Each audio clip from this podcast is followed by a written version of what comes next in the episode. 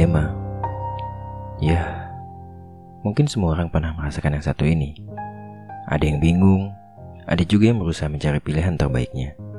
Atau mungkin ada juga yang pasrah dengan keadaan, biar takdir aja gitu yang membawanya pada sebuah jawaban. Atau jangan-jangan malah mencoba menghindari dan tak menentukan sebuah pilihan. Emang sih, tidak memilih juga sebuah pilihan. Ya, entahlah. Ngomong-ngomong tentang dilema, siapa nih yang lagi dilema masalah percintaan? Apalagi kalau tahu pasangan kita udah gak sayang sama kita. Mau udahan sih, tapi sayang udah berjalan cukup lama. Mau tinggal, tapi gak bisa menerima kenyataan. Pilihan itu seakan datang tanpa permisi, membuat pikiran dan hati berpikir berkali-kali. Keputusan harus dibuat, tapi jujur itu sangat berat. Sempat berpikir itu hal mudah, tapi pas mau memutuskan, ternyata cukup sulit.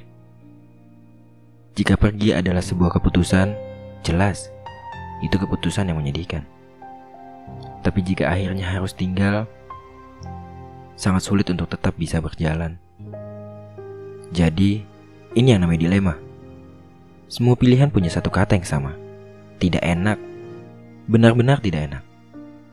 Tapi apa kita mau terus di situasi ini? Sepertinya tidak. Kita harus pandai, pandai menjadi diri sendiri, dan pandai mencari keputusan yang hakiki. Di saat semua orang berkata, lebih baik untuk pergi. Entah kenapa hati ini berkata sebaliknya.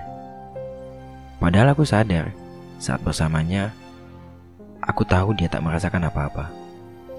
Dia datang hanya untuk menggugurkan tanggung jawabnya sebagai pasangan. Bukan karena rasa rindu yang ada di dalam.